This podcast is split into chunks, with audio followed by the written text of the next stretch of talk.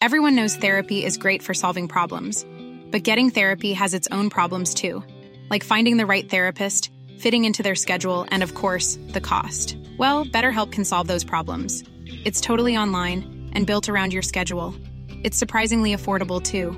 Connect with a credentialed therapist by phone, video, or online chat, all from the comfort of your home. Visit betterhelp.com to learn more and save 10% on your first month. That's BetterHelp H E L P.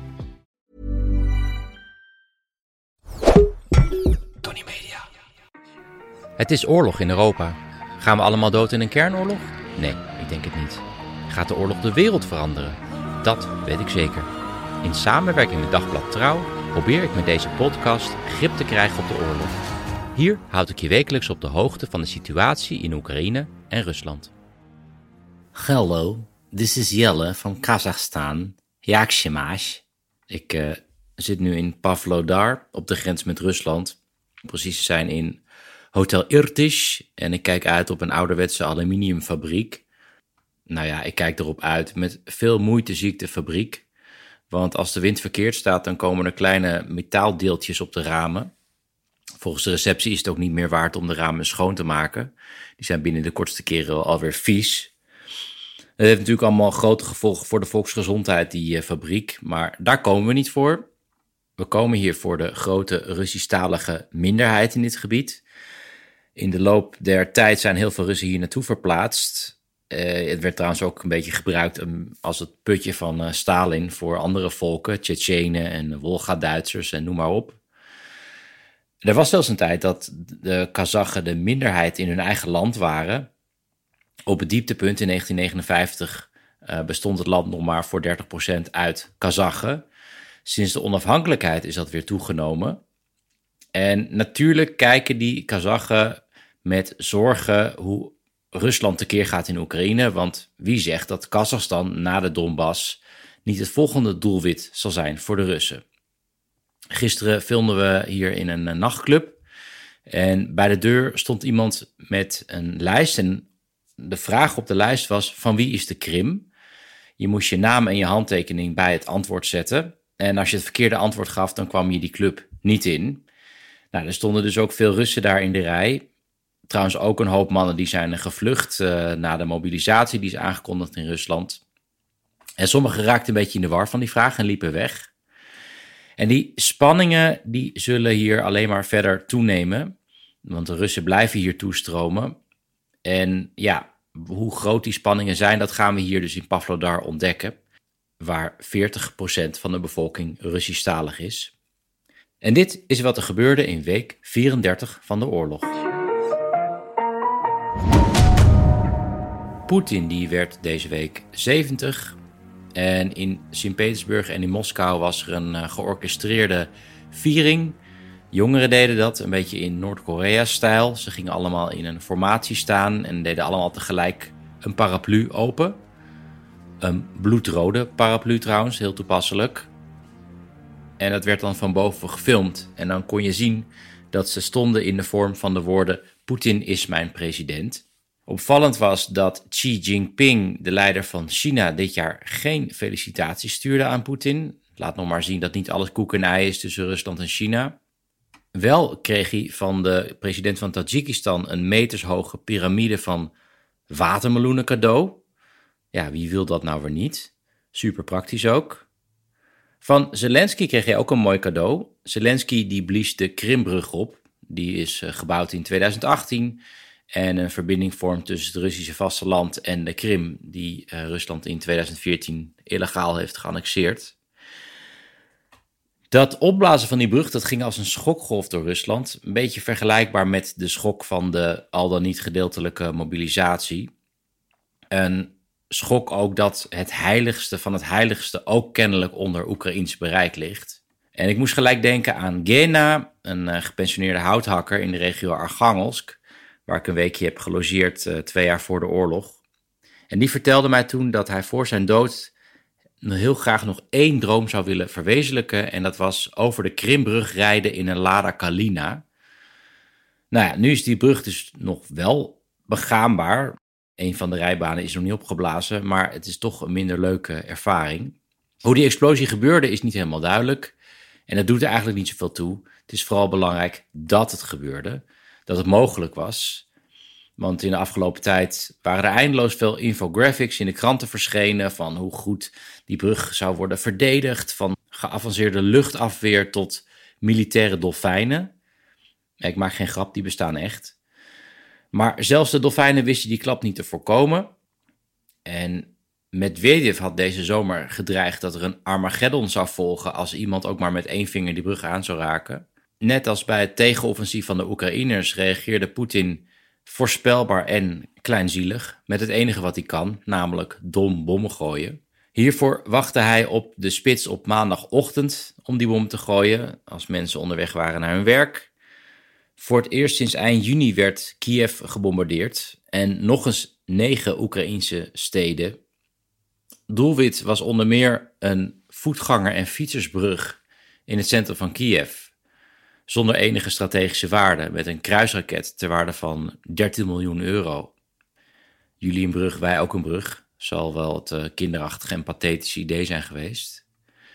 Met eigenlijk als enig doel tevreden stellen van wraakzuchtige Russische nationalisten, want Oekraïners laten zich niet uit het veld slaan. Dat zag je ook wel uit beelden vanuit de metro van Kiev, waar mensen aan het schuilen waren en samen dit lied zongen.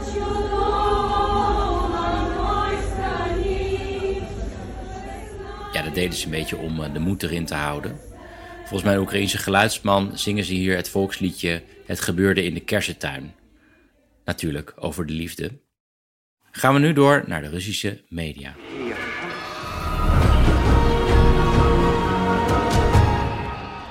Weer veel aandacht voor de mobilisatie, die nog steeds rampzalig verloopt. Viral ging een bericht van een blinde man, die was opgeroepen voor de strijd aan het front. Ook veel gedeeld waren beelden van mannen aan wie partjanki waren uitgedeeld. Ja, dat zijn een soort lappen die worden gedragen in plaats van sokken. In de Tweede Wereldoorlog droegen Sovjet-soldaten ze. En in 2013 zou het leger eindelijk die dingen vervangen door sokken, maar dat is kennelijk niet gebeurd. En als je die podjanki niet strak om je voet wikkelt, dan zit je echt in no time onder de blaren. En er werd geklaagd dat de official die die sokkenrevolutie uit had moeten voeren, waarschijnlijk al dat geld van die sokken in eigen zak heeft gestoken. Ook een bericht uit Mulino in de buurt van Nizhny Novgorod. Inwoners van Mulino hebben last van gemobiliseerden die dronken door de stad lopen en mensen lastigvallen. En de verkoop van alcohol is daar nu verboden. Ook heeft het Kremlin de gevolgen van mobilisatie niet helemaal goed doorgedacht. Dat als je mannen naar het front stuurt, ze hun eigenlijke werk dan ook niet kunnen doen, zoals vuilnismannen. Zo doken berichten op in Russische media van vuilnismannen die naar het front werden gestuurd en dus dat de vuilnis niet meer kon worden opgehaald. Surprise, surprise. Het Kremlin wil nu een uitzondering maken voor vuilnismannen, maar ja, dan zijn er natuurlijk nog wel meer cruciale beroepen. En het werkt eigenlijk alleen maar als je ook een oorlogseconomie invoert waar vrouwen dan mannenbanen overnemen. Want zo is het nog steeds wel veel verdeeld in Rusland. Maar ja, officieel is het dus nog steeds geen oorlog. Oké, en dan nog dit. In Almaty, in het zuiden van uh, Kazachstan, filmden we een standbeeld van de zanger Victor Tsoi. Ik heb een eerdere podcast gewijd aan Tsoi, dus eh, ja, de harde kern van de luisteraars die kunnen de komende 30 seconden even vooruitspoelen. Want dan vertel ik even wie hij is. Tsoi is een van de pioniers van de Sovjet-rock. In de nadagen van de Sovjet-Unie was eindelijk dit soort muziek toegestaan. En werd het gelijk enorm populair. Niet alleen trouwens in uh, Rusland, maar in alle landen van de voormalige Sovjet-Unie. Zoals ook in Kazachstan. Zijn vader komt trouwens uit Kazachstan. En het is heel interessant dat die vader etnisch Koreaans is. Want in 1937 werden die Koreanen gedeporteerd vanuit Siberië. Daar zat een grote Koreaanse minderheid. Naar die ja, kale steppen van Kazachstan. Weer trouwens zo'n tragedie waar weinig mensen van weten. Tienduizenden Koreanen kwamen toen om het leven door honger en kou of uh, executie. In ieder geval, die band van Tsoi, Kino, is de eerste band die door de censuur kwam met een westers geluid. Het werd enorm populair. kwam ook een term voor, kinomania. Een beetje vergelijkbaar met Doe maar eigenlijk. En Tsoi die spoort de jeugd aan om het heft in eigen handen te nemen en het land te veranderen. Het is een beetje het startpunt geweest voor de glasnost, periode van openheid. En dat geldt vooral voor het nummer Mjdom Perimin, oftewel Wij wachten op verandering. En dat raakte een snaar bij de jeugd op dat moment.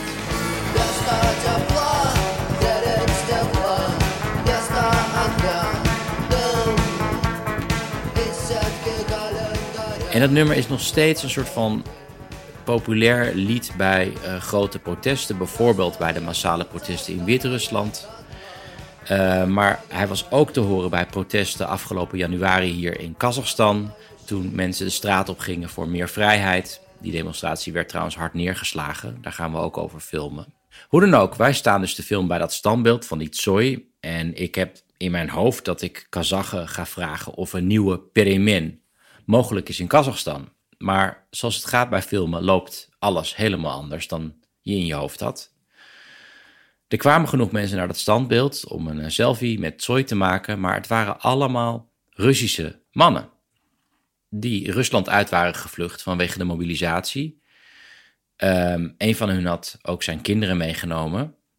En het waren stuk voor stuk types, net als ik, waarvan ik weet dat ze het niet een week in die oorlog vol zouden hebben gehouden echt iets voor mij om me dan per ongeluk in mijn voet te schieten of zo. En ik probeerde me voor te stellen hoe het nou zou zijn om op slag alles achter je te laten en te vluchten naar, ja, ik noem maar wat, Bad Bentheim en proberen daar dan weer een bestaan op te bouwen. Omdat je geen mensen wil vermoorden en zelf ook niet vermoord wil worden. Dat is natuurlijk niet niks. Hoe dan ook, ik eh, voeg die mannen naar dat nummer, Perimin. Dat nummer kennen ze natuurlijk. Ze waren speciaal naar het standbeeld gekomen. En zonder uitzondering, los van elkaar, antwoorden ze dat ook dit een periode is van perimen, van verandering. En dat de oorzaak van die verandering, de oorlog, natuurlijk verschrikkelijk is.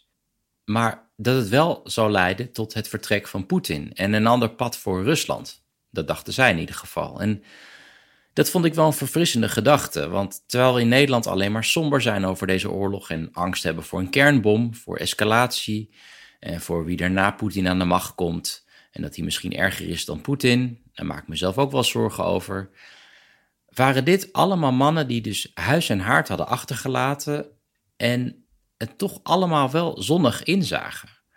Want laten we nou even die optie niet vergeten. Misschien zal Poetin wel worden vervangen door een redelijk persoon die van uh, Rusland een democratie maakt en corruptie uitroeit. Zodat alle Russen en niet alleen een klein groepje profiteert van die enorme rijkdommen van Rusland. Van de gas en olie en mineralen en hout. En een regering die geld uitgeeft aan riolering en wegen in plaats van ja, uh, bommen gooien op uh, fietsbruggen in Kiev. En bedenk ook wat voor regimes zouden kunnen vallen zonder steun van Poetin. Denk aan Syrië, denk aan Wit-Rusland. Assad en Lukashenko zouden zomaar verjaagd kunnen worden. En de demonstranten in Iran zouden misschien net dat duwtje kunnen krijgen. Denk ook aan alle extreemrechtse en linkse groeperingen in Europa, die voortdurend onze rechtsstaat ondermijnen en die het dan zonder geld van het Kremlin moeten doen. Als alles goed loopt, zou de oorlog uiteindelijk goed uit kunnen pakken voor de hele wereld. We weten het niet zeker, maar het kan zodat ook eindelijk die perimen in Rusland kan gebeuren na die valse start in de jaren 90. Enfin, deze week even geen interview. Volgende week ben ik weer in Nederland en hervat ik de reguliere uitzendingen. Tot dan. Dit was een productie van Tony Media en Dagblad Trouw. Voor meer verdieping ga naar trouw.nl. Planning for your next trip? Elevate your travel style with Quince. Quince has all the jet setting essentials you'll want for your next getaway, like European linen, premium luggage options, buttery soft Italian leather bags, and so much more. And is all priced at 50 to 80% less than similar brands. Plus, Quince only works with factories that use safe and ethical manufacturing practices. Pack your bags with high-quality essentials you'll be wearing for vacations to come with Quince. Go to quince.com/pack for free shipping and 365-day returns.